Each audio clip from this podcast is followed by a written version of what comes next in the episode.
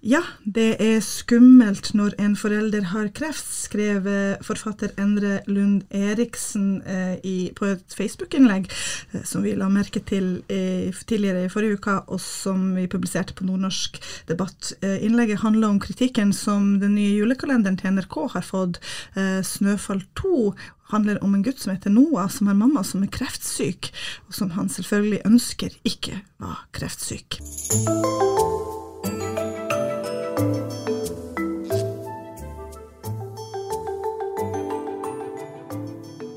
Eh, det har kommet noen klager på julekalenderen, og Endre Lund Eriksen eh, kom med et lite tilsvar på de klagene.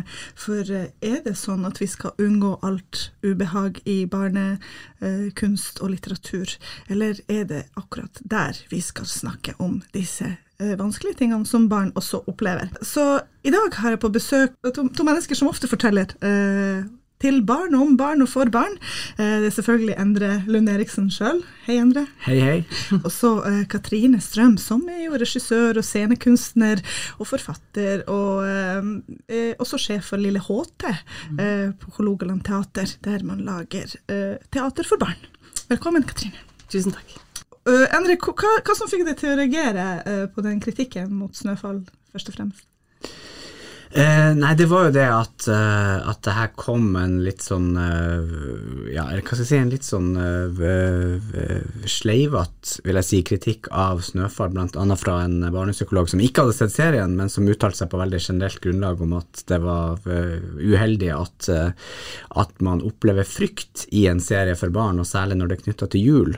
og så uh, syns jeg det var et litt sånn rart standpunkt, fordi at frykt er jo en veldig viktig bestanddel i alle historier historier. Eh, vi snakker ofte om frykt og håp i historier. At, at det er sånn at eh, hovedkarakteren frykter at noe skal skje, og håper på noe annet, og, og, og jobber på for å nå det som man håper på, og prøver å unngå det man frykter. Eh, sånn at i, også i historier for barn så må vi forholde oss til frykt. Vi må ha eh, spenning og drama. Og det som er veldig fint med 'Snøfall 2', er at eh, her tas det opp eh, et tema som eh, mange barn uheldigvis eh, kommer opp i, nemlig at det er en forelder som har fått kreft, og som i juletida må få behandling på sykehuset. Og den jula som Noah som hovedpersonen har gleda seg til å ha med mamma, den blir ikke sånn som han hadde tenkt. Eh, det blir noe han må forholde seg til, og det må jo mange barn gjøre. Eh, og da tenker jeg at eh, det er også naturlig at det innimellom dukker opp en historie for barn på, på, på TV, også i en julekalender, som, som, som, barn som er i den situasjonen kan kjenne seg igjen i.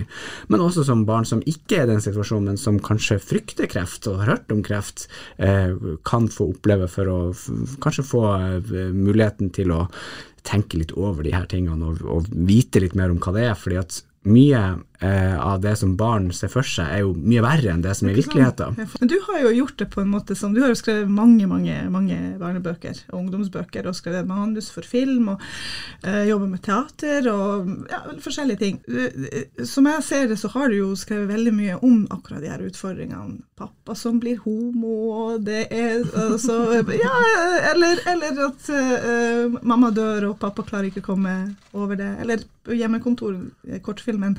Eh, så snakker du jo da om at det er jo pandemi og et barn som er hjemme alene med en mor som har drikkeproblem, altså alkoholproblem. Mm. Hvorfor velger du de temaene sjøl, da? Det er fordi det er et tema som opptar meg, eh, og som engasjerer meg, eh, og som jeg syns er viktig.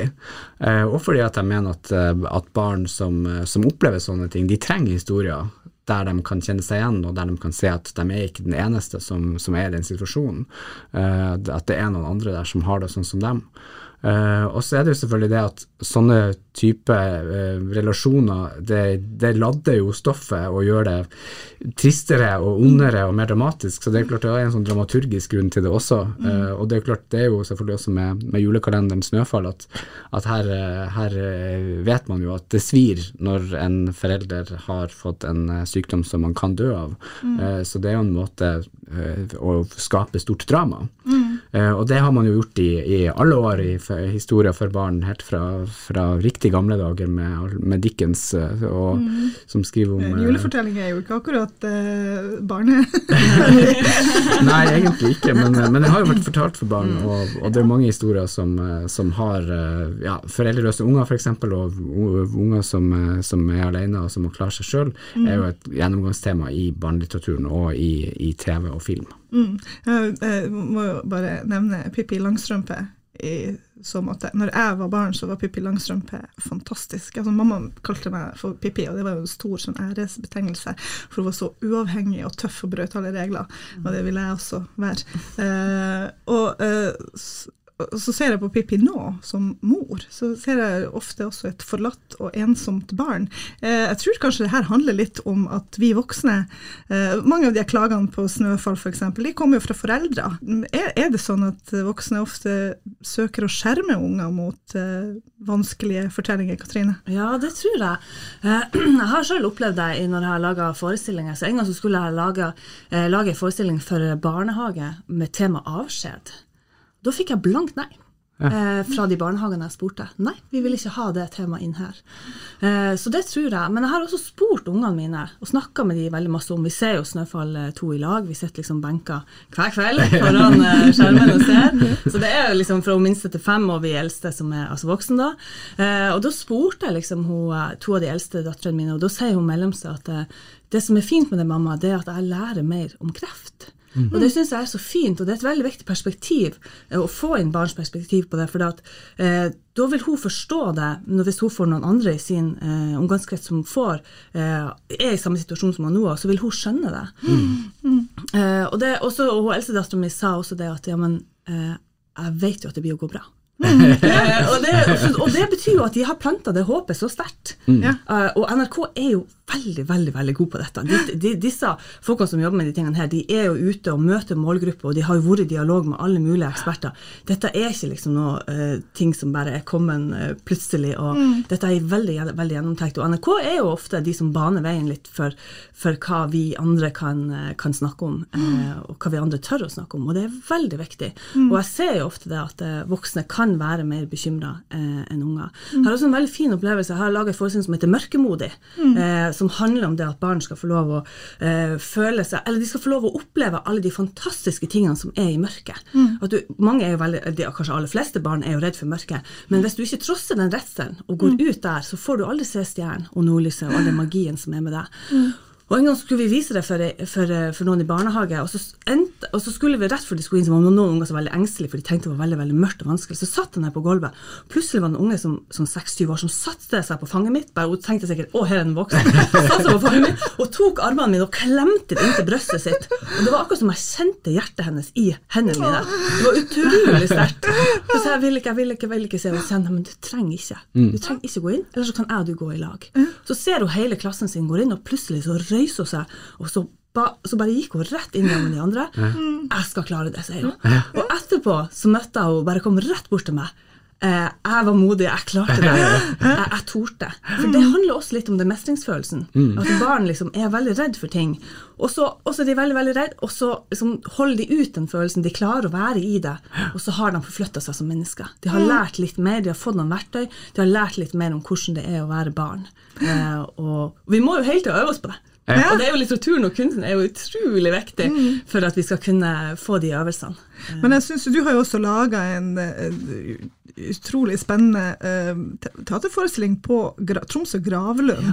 Eh, hvor det er jo både snakk om det, om, om kropper som blir til jord, og som, om historier om barn som dør som barn. Eh, lille Hedvig Mack som dør som femåring.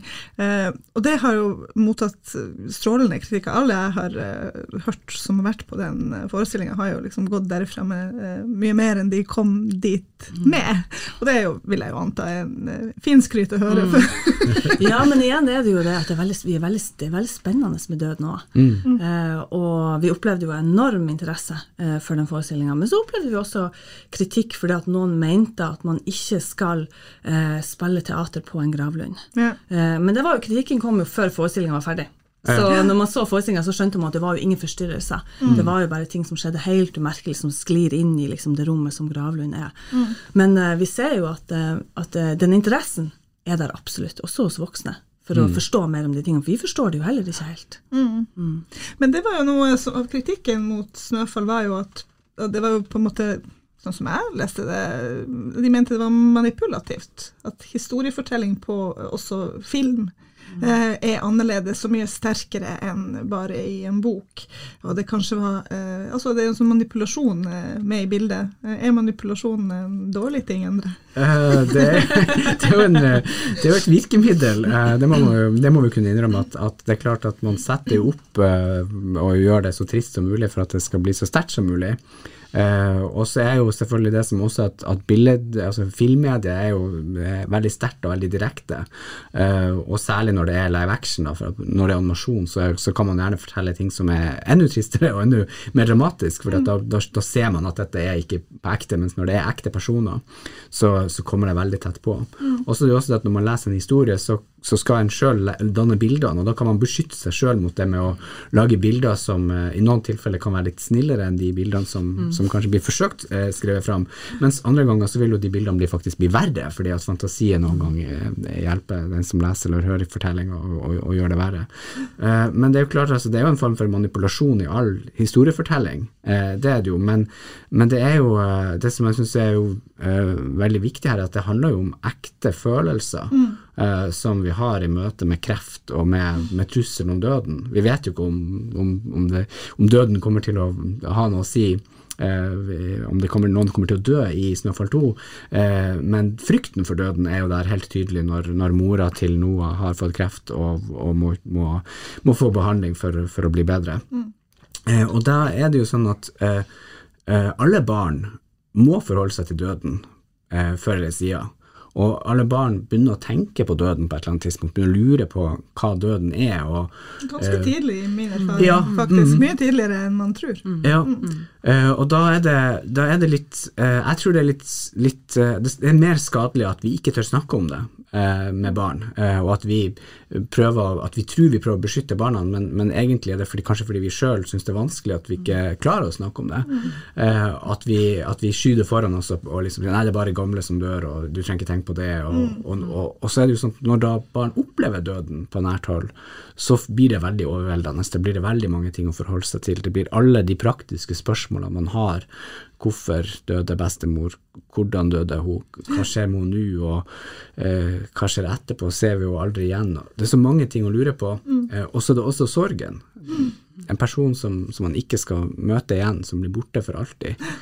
Så hvis, man, hvis man tørre å snakke om døden, og kanskje begynne med altså, altså Det kan være å snakke først om de rent praktiske tingene som barn helt naturlig lurer på. Eh, så tror jeg det gjør at barn blir mer skodd for å oppleve sorg når det før eller siden kommer. Eh, noen har selvfølgelig, er selvfølgelig heldige å oppleve det ikke før de blir blitt, eh, blitt eh, kanskje ungdommer, men, men de fleste barn befatter seg jo med, må jo befatte seg med døden på en eller annen måte, med at det er bestemor eller bestefar eller en tante eller, eller noe som dør. Eh, og da er kunnskap veldig bra, tror jeg, eh, fordi at det alternativet er at barnet er alene med dette og, og ser for seg ting som kanskje er mye verre enn det som er virkeligheten.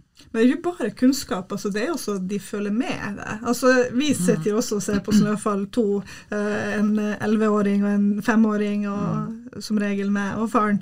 Og da er det jo sånn at eh, elleveåringen hulker og gråter og føler med mm. noe, og er jo veldig, og så spør litt, og 'mamma, du har jo også en venninne som har hatt kreft', og litt sånn. Mens femåringen bare sitter der og liksom lurer på hva som skjer, og hvorfor gråter storesøster. Eh, det er jo litt sånn Det er jo ikke bare kunnskap, det er noe med det her som du ikke kanskje kan riktig nok liksom gripe. Hvordan griper du det, da? Du, du som skal, Katrine, du som skal på en måte få folk til å føle de her Eller barna til å føle ikke bare Ja, det som, jeg, det som jeg alltid gjør i mine prosesser, som jeg mener vi må være nøye med, det er å koble på målgruppa veldig tidlig. Vi må vite hvem er det vi forteller disse historiene til, og så må man gå i dialog med de veldig veldig tidlig. Så vi, Som regel så øver vi sånn seks, syv, åtte uker. Allerede første uka så har vi de inne. For å få deres perspektiv på temaet, på deres perspektiv på, på de virkemidlene vi bruker, hvordan reagerer de på det. For vi må også være sånn var på akkurat hvilken type virkemidler vi bruker til enhver tid. For det kan noen ganger at vi går over kanten, at det blir for sterkt. Eller at det blir så svakt at det ikke treffer dem. Så det engasjementet må vi også ivareta. Så det å ha en nær dialog med målgruppa, det oppleves som veldig viktig. Og så er det jo det at mine erfaringer som barn også sitter veldig sterke i. Jeg husker jo liksom hva var det som, hva var det som fascinerte meg, hva var det som gjorde meg redd, og hva var det som, som betydde noe. Hva er det jeg husker den dag i dag fra jeg var selv var barn? Det er ikke ubetydelig. Det er liksom ofte der jeg starta mine prosesser. Eh, og, så, og, så, hadde jeg lyst til å gjøre den der, for jeg elsker jo Skomakergata. Og for de som husker skomakeren, så er det ingenting som står på spill. Han har et lite par sko som han lurer på hvem er sine. Så alle som kommer innom, så må han liksom spørre hvem er det dine sko. Husker, han er blitt så gammel han har begynt å glemme det her. Og så tenkte jeg ok, nå skal jeg ta ungene mine, så skal vi se på Skomakergata med hos Stine der som danser. Jeg husker hun var så fin, jeg har være som Stine. Og de bare 'Mamma, her skjer jo ingenting'.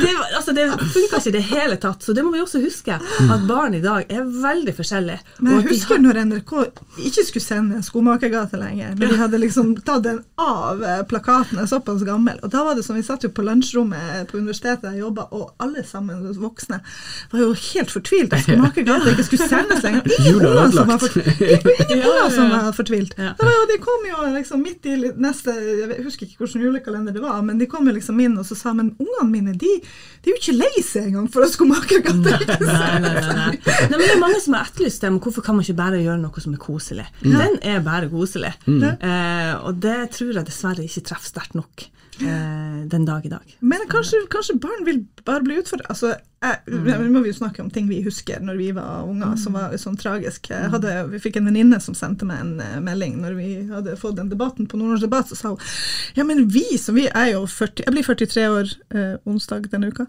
Uh, uh, og, det, og, så, og, så sa, og, så, sa, hun venninna mi at, at, Jeg husker jo Lillefot og vennene hans, det var jo helt forferdelig. Det døde jo altså, det døde jo dyr, og det, det var jo helt grusomme ting. Og så husker jeg sjøl Brødrene Løvehjerte. Det var jo en mm. utrolig historie om sorg mm. som var jo sånn kjempe kjempesterk for meg som barn. Jeg kan liksom, å, fortsatt, Bare jeg hører navnet Jonathan, så kan jeg mm. få litt sånn tårer i øynene. Hva, hva, er det du husker som barn som rørte det sterkt Endre?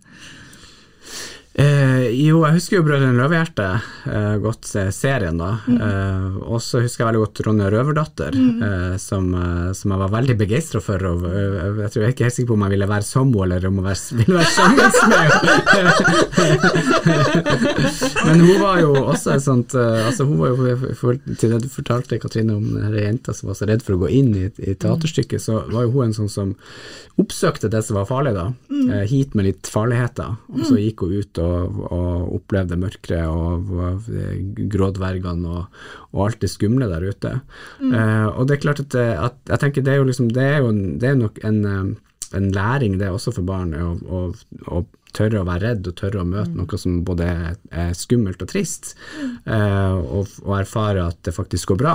Uh, at man, man, kan klare det, liksom, å stå i så sterke følelser. Mm. Så er det jo må, det jo, vi må vite også at det er jo noen som er veldig sensitive, som er ekstra sensitive, og som, som tål, ikke tåler dette, som, som, som, blir veldig, veldig lei seg, veldig opprørt. Uh, og, og, og, noen sånne barn kjenner jo jeg fra, fra, fra min vennekrets, og de blir jo ofte redd for for veldig og sånne ting som andre ikke blir redd for, f.eks. For, uh, for konflikt. Synes at mm. Bare det er en liten konflikt, så er det kjempeskummelt. Mm. Mm. Uh, og, og, men det er jo barn som trenger spesiell oppfølging og, og spesiell beskyttelse, så jeg tenker at vi kan ikke liksom lage vi kan ikke lage alt eh, etter hva, hva, de som, de som minste eh, felles Nei, da må man heller beskytte dem og la dem få sjansen til å gå ut mm. fra teaterstykket mm. hvis, hvis, de syns det blir for mye. Og det har jo, eh, har jo jeg opplevd som har reist rundt med en bok som heter Døden. Mm der jeg har vært rundt på mange skoler i, i hele landet. Eh, så hender det da at det er noen barn som syns dette blir vanskelig. Eh, kanskje de har opplevd noe av en forelder eller, eller en, eh, en, som står dem nær som, som, nettopp har dødd, og så blir det for mye, og da må de ha lov til å gå ut, syns jeg. Da, det, det, de, de, har ikke bedt om å, de har ikke bedt om å være der, Nei, det er ikke ikke frivillig. Og, og det, det må vi også anerkjenne, at barn må også kunne sette sine egne grenser. Ja. Mm. Katrine, hva er det du husker fra din barndom som uh, satte var- følelsene i sving? Jeg var veldig, veldig veldig redd. Jeg var ekstremt mørkeredd. Vi hadde hus ved siden av en eh, kirkegård. Så jeg var helt bestemt på at hvis den dagen, ikke når, men, hvis, men når de står opp fra de døde, så kommer de spøkelsene først til mitt rom. Så jeg, det var en sånn besettelse. Eh, og jeg så faktisk aldri barne-TV. Jeg så Skomakergata, det var noen veldig få ting jeg så. Men det tror jeg var for at jeg var nok en av de sensitive barna som opplevde ting så sterkt. At det bare det satte så fart på, på tankene og farta og kreativiteten og alt det der i hodet at jeg klarte ikke helt å forholde meg til det. Så jeg var veldig Jeg søkte meg ikke egentlig til så veldig mye på barne-TV, for det opplevde jeg som litt for sterkt. Men litteraturen var litt lettere for meg å, å forholde meg til. Så det var jo liksom de, av de der vanskelige tingene. Men så var det jo også Jeg vokste opp i et veldig trygt hjem, så jeg husker liksom mamma sin lukt av eh, nybakt boller. altså de der tingene der, så har jeg også laga en forestilling som er basert på den lukta som heter Bakeriet. Som handler om all, hele universet som er knytta til den følelsen. For jeg tenker jo også det er viktig at vi også når vi prøver noen ganger å gå på de tingene som er utfordrende, så at vi også husker på alle de, de tingene som Næ- skaper nære, trygghet. ja. Ja, trygghet. For det er jo det vi trenger for å takle de der vanskelige tingene. Men jeg syns også det er interessant det du er inne på, Endre, det med at man kan velge bort ting. For både jeg og du er jo en del ute i skolene med forestillingene våre. Mm. det er noe som jeg tenker veldig masse på, for det det, da er det jo ikke valgfritt. Mm. Da er det jo forventa at alle ungene skal se eller være delta på de tingene der. Og det er jo litt det samme som eh, Snøfall 2, at, eh, eller snø, alle de julekalenderne. De, Ja. de vises jo på TV, eh, Ja, på SFO og, og på, på Skolen. På skolen ja. Eh, og det er klart at det kan Ja, at man eh, Og da er det kanskje ikke like lett for et barn som opplever det så sterkt, å si at 'jeg vil ikke se på det'. Og der er det utrolig viktig at de voksne er på ballen. Her må vi liksom og, og det er jo det som er, Vi er jo vant til at 'ok, ser nå litt på barne-TV, så kan jeg gjøre oppvasken'. Det kan vi ikke nå. Vi må, vi må, vi må forholde oss til det. Vi må se det lammet ditt! Og det er kjempebra. Ja, det er Og det, og det må lærere, og det må vi voksne. Det ansvaret må vi ta hele tida. Eh, for det er ikke så altså det er ikke Paw Patrol. Det er ikke noe, noe som, bare, som bare går inn og ut igjen. Nei. Det setter seg i oss. Og det er utrolig viktig, men vi må, vi må være der sammen med barna. Mm. Være i de samtalene òg. Ja. Men det opplever jo jeg også, de som Jeg har to reiser på en av de turneene som reiser med en gravferdskonsulent, og en annen med en, en forsker. Eh, og vi opplever jo også ofte at, at lærerne kan være bekymra på forhånd, fordi at det er noen som har mista noen, og så lurer de på passer dette for en tredjeklassing, og er dette, eh, blir dette skummelt, blir dette trist? Eh, og så har vi jo erfart at i de aller fleste tilfellene så er det nettopp de barna som har opplevd noe, som, som får mest ut av det. Eh, som er veldig med, og noen er veldig aktive, og andre har også blitt veldig lei seg eh, og, og vært helt sånn begynte å gråte og, og, og ha det vanskelig, men allikevel likevel ville vært der. Eh, fordi at det er noe der likevel som, som de har utbytte av. Men jeg er veldig enig med deg, Katrine, at vi må også være, vi må også liksom være klar på å ha en, ha en beredskap på at for noen barn så, så, så blir det for mye. Og de må få hjelp og få lov til å, til å slippe, eller få noen sammen med seg som man kan, kan snakke om dette, som man kan, kan bearbeide. Og, det, og det, jeg skjønner at, at, jeg skjønner at noen som liksom står midt oppi det, eller nettopp har, har opplevd å miste noen, at de syns at det kan bli for, for heftig med en julehistorie med en mamma som, som har kreft. Eh, og, og de må ikke se på det, de kan se på en av de andre kalenderne eller, eller gjøre noe annet. Vi må tåle å kunne fortelle sånne historier, fordi det er viktig å fortelle dem, eh, og fordi at vi, vi kan oppleve noe fint sammen som en familie. Mm. Så er jeg litt sånn opptatt av at det skal være rom for, for kreativt og kunstnersk mot. Eh, vi må jo huske på at veldig mange av de her tingene vi har snakka om i dag, har vært tabu å snakke om offentlig i det hele tatt. Altså Kreft er jo en av dem, men f.eks. selvmord. Eh, det er veldig mange barn som mister en av foreldrene sine til selvmord i Norge. Det er over 650 mennesker som tar livet av seg i Norge. Eh, hvordan skal vi snakke med barn om det? Hvordan skal vi snakke om de her store eh, uh, eh, tabuene? Det tror jeg ikke vi kan løse i pressen, i alle fall. Så jeg tror det, Noen må jo på en måte være der og, og, og være villig og ha mot til å fortelle de her historiene. Ja, for man ufarliggjør det når vi snakker om det. Så alle samtaler gjør jo at det blir mindre skummelt. Da er det ikke noe Den dagen du sjøl blir ramma av det, så Ja, det var jo en, han, han Noah i Snøfall, han har opplevd noe samme. Og at man har noen som man kan identifisere seg med. Denne gjenkjennelsen er utrolig viktig eh, for, for, barn. Så det er viktig å snakke om ting. Eh, ja. Mm. Men da har vi snakka om det.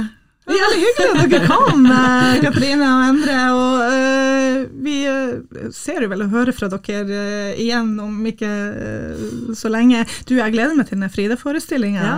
til neste Apropos år. Apropos det, så er det jo om døden. Ja. for Frida frykter jo hele livet om, for døden, og, vi, og, i Mexico så feirer de jo døden. Så de har en helt annen måte å behandle døden. Det er jo forestilling om Frida Kahlo, mars neste år. Yes. Ja.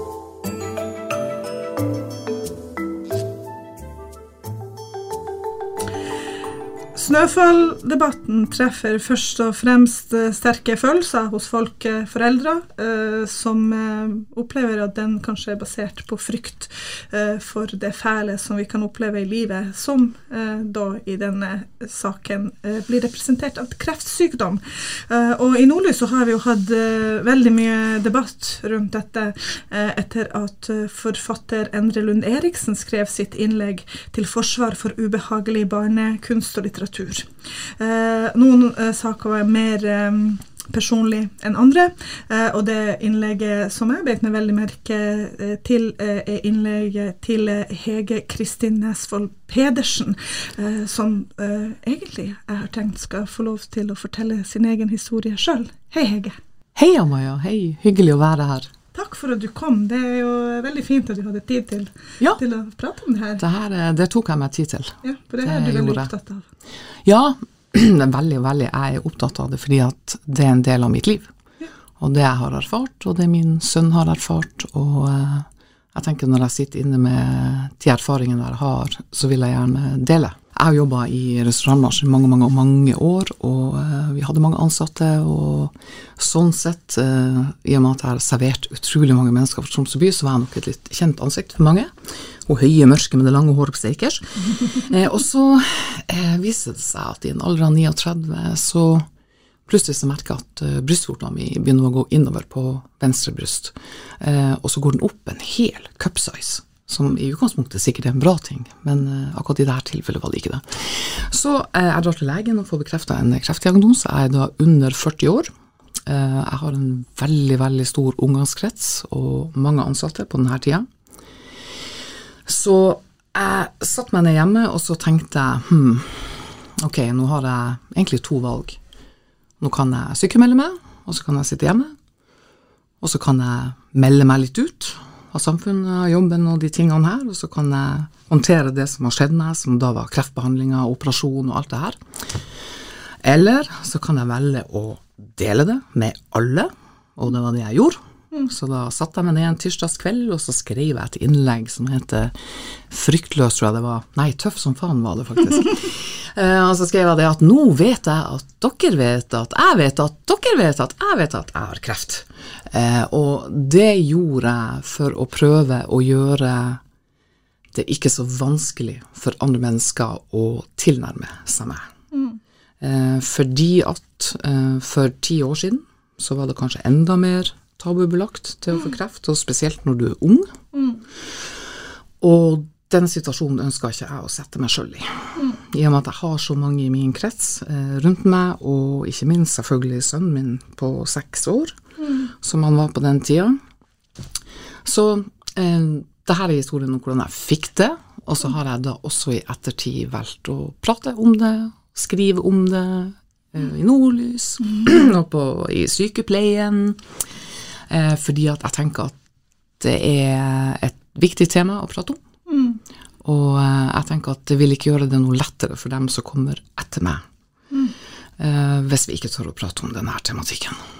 Og I ditt eh, innlegg i Nordnorsk debatt så forteller du om en sykepleier på kreftavdelinga mm. på UNN, som forteller deg da på daværende tidspunkt, når du var veldig syk, at du burde kanskje ta din sønn, som var seks år, mm. eh, for å se denne kreftavdelinga som du skulle tilbringe ganske mye av din tid på. Eh, kreftsykepleierne på eh, UiT, eh, de er fantastisk. Og jeg vil faktisk begynne med å si at i løpet av mitt uh, kreftforløp og mitt behandlingsforløp, så er det nok dem jeg prater mest med. Det er jo gjerne dem som sitter med pasientene og har de lange, gode samtalene. Det er også veldig mye humor på kreftavdelinga. Jeg vet at folk ikke liker å tenke det, men det er det. Eh, det er ikke sånn som jeg trodde det skulle være.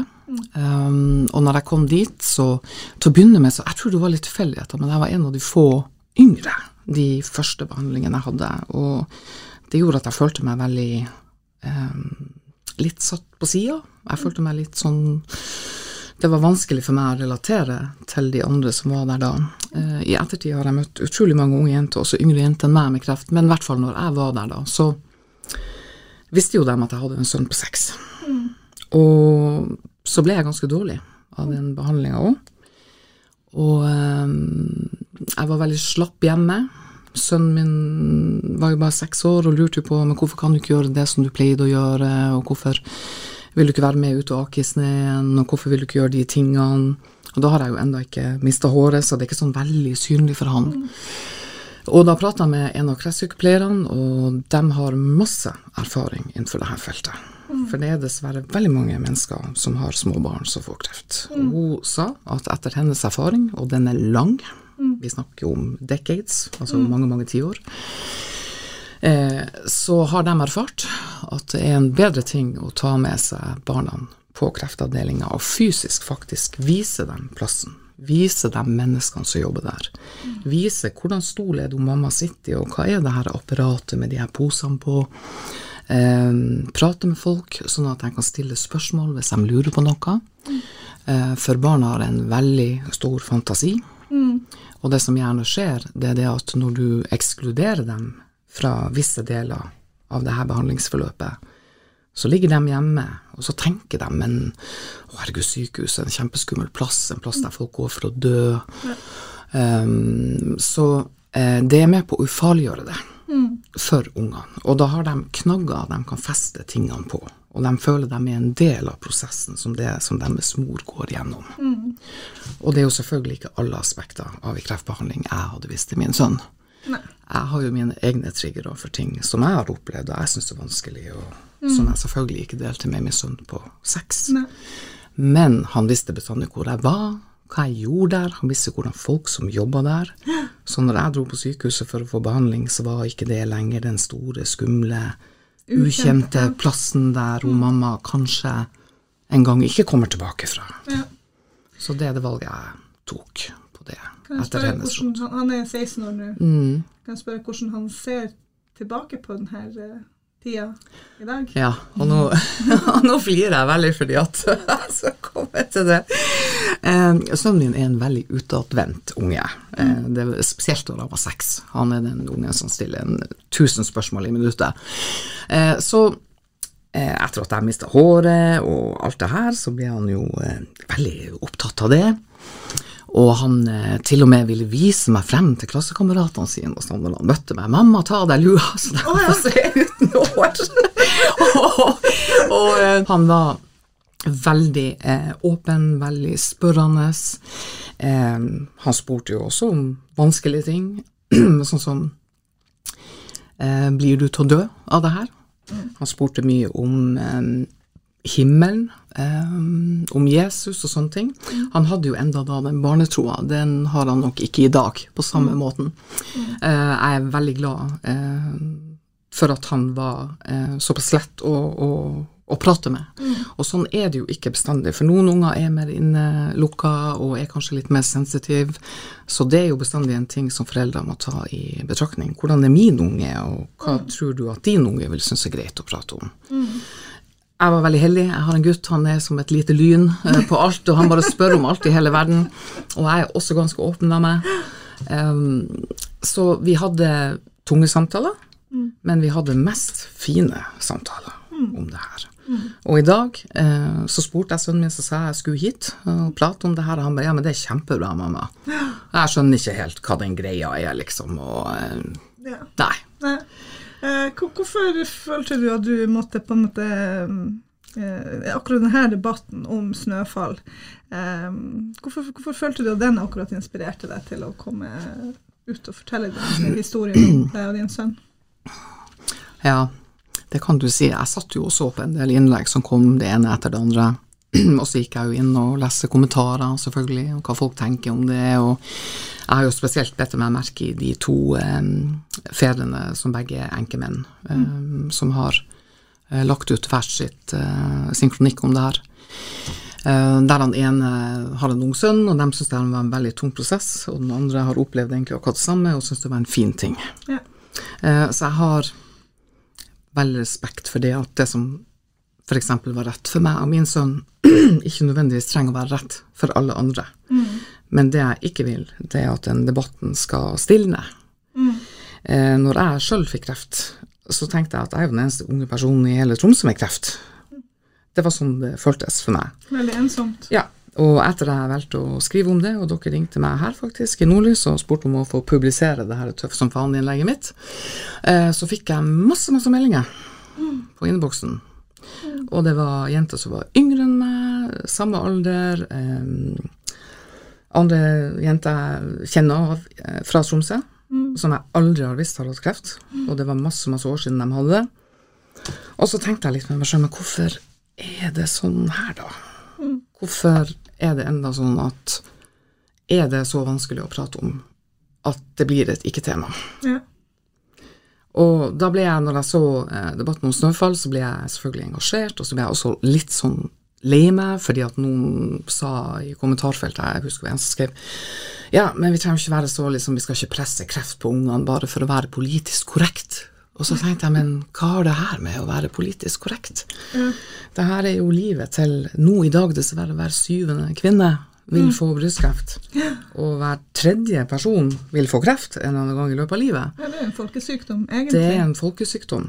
Um, og jeg skjønner at en julekalender blir sett av veldig mange, og selvfølgelig unge barn. Jeg har sett alle episodene av Snøfall, åpenbart. Uh, jeg syns de har lagt det frem på en fin måte. Jeg tror ikke min sønn hadde blitt traumatisert av å se på det her. Jeg tror heller han hadde sett på det og tenkt 'Å, gutt, du er akkurat sånn som mamma. Se, sånn så du ut'. Ja, ikke sant. Ja. Jeg tror det er liksom det her med at vi er så opptatt i dag av å skjerme barn og beskytte dem i veldig mye større grad eh, enn vi kanskje enn de barna har godt av. Um, Nå er det jo selvfølgelig, som du sier, det er jo forskjell på unger. Og Det det er er jo heldigvis sånn at man kan skru av eh, TV-apparatet hvis det går eh, hardt utover enkelte barn, og det vil jeg jo selvfølgelig eh, anbefale at folk gjør. Men um, jeg ser jo også det her med mine barn. Eh, og, det er, og de kjenner jo folk som har hatt kreft. Eh, alle barn kjenner, nesten, nesten alle barn eh, kjenner noen som har hatt kreft. Og mange kjenner folk som er dødd av kreft. Og eh, jeg ser jo at, at Kreftforeninga sjøl er jo en av de få tingene de rådgir, eh, er å, større åpenhet, at man snakker med barn om kreft, at man behandler dem faktisk som de pårørende de er. De er jo ikke statister i det her, de er jo på en måte også hovedpersoner. Det her skjer også med dem, selv om det er mamma eller pappa som er syk. Eller bestefar eller onkel, eller eh, foreldrene til en venninne. Ja. Eh, så jeg tenkte også det når du skrev det, det var så fint liksom, og nært og, og, og personlig, men samtidig så var det ganske allmenngyldig det du skriver, for at livet skjer jo med alle. Det gjør det.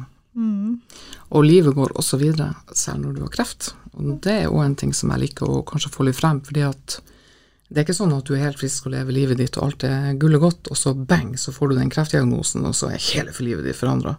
Eh, når du er en mor, f.eks. Med, med barn og unge barn, altså livet må jo gå videre. Det er jo en hverdag selv med kreftdiagnose.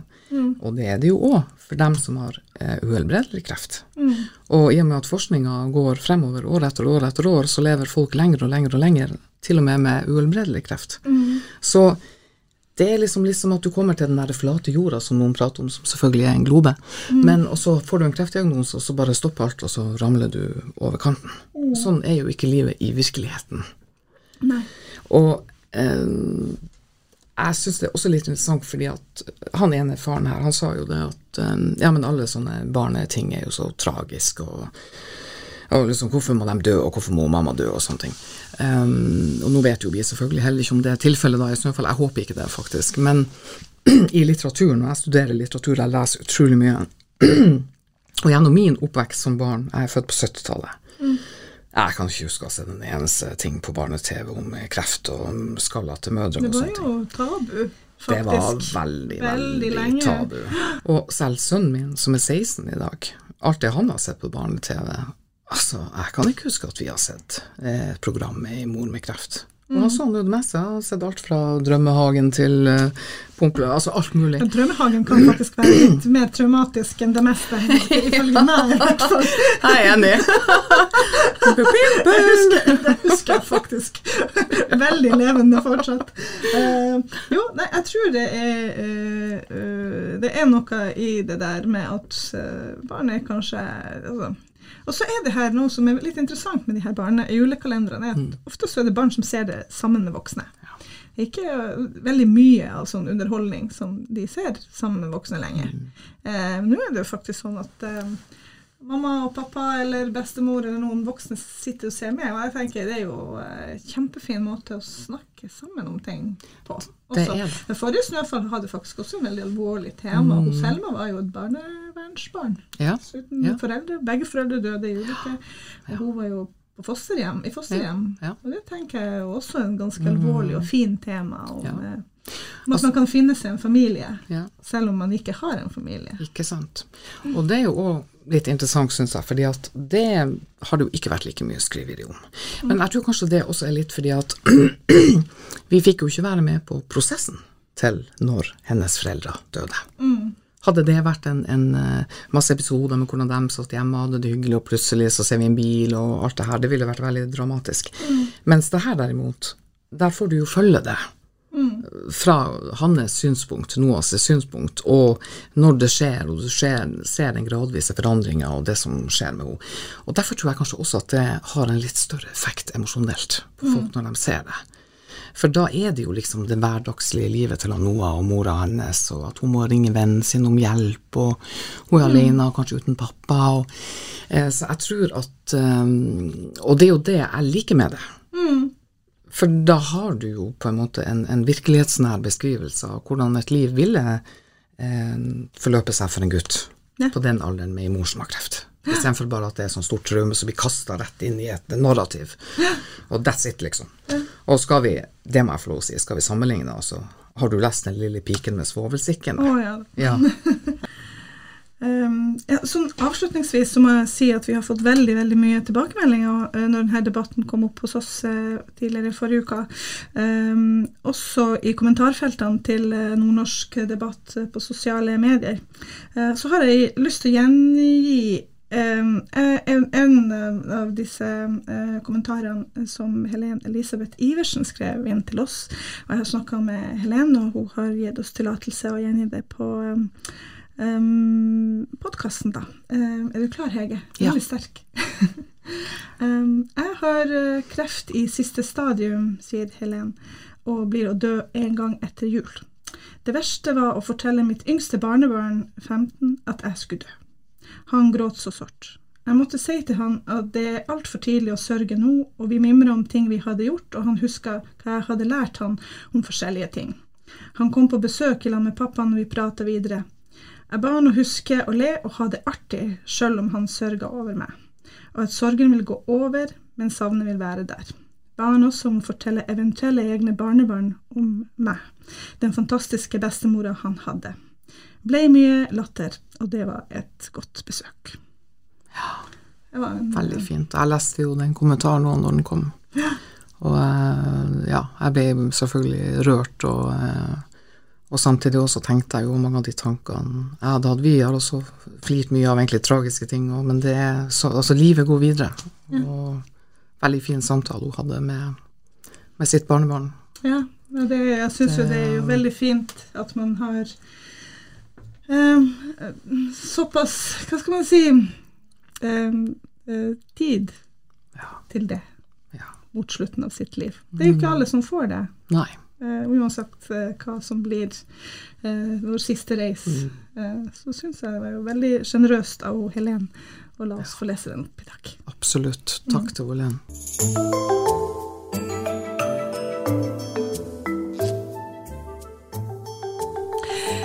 Det var det for denne gang. Jeg syns Det ble noen utrolig fine refleksjoner fra noen ganske kloke mennesker med mye kunnskap og erfaring.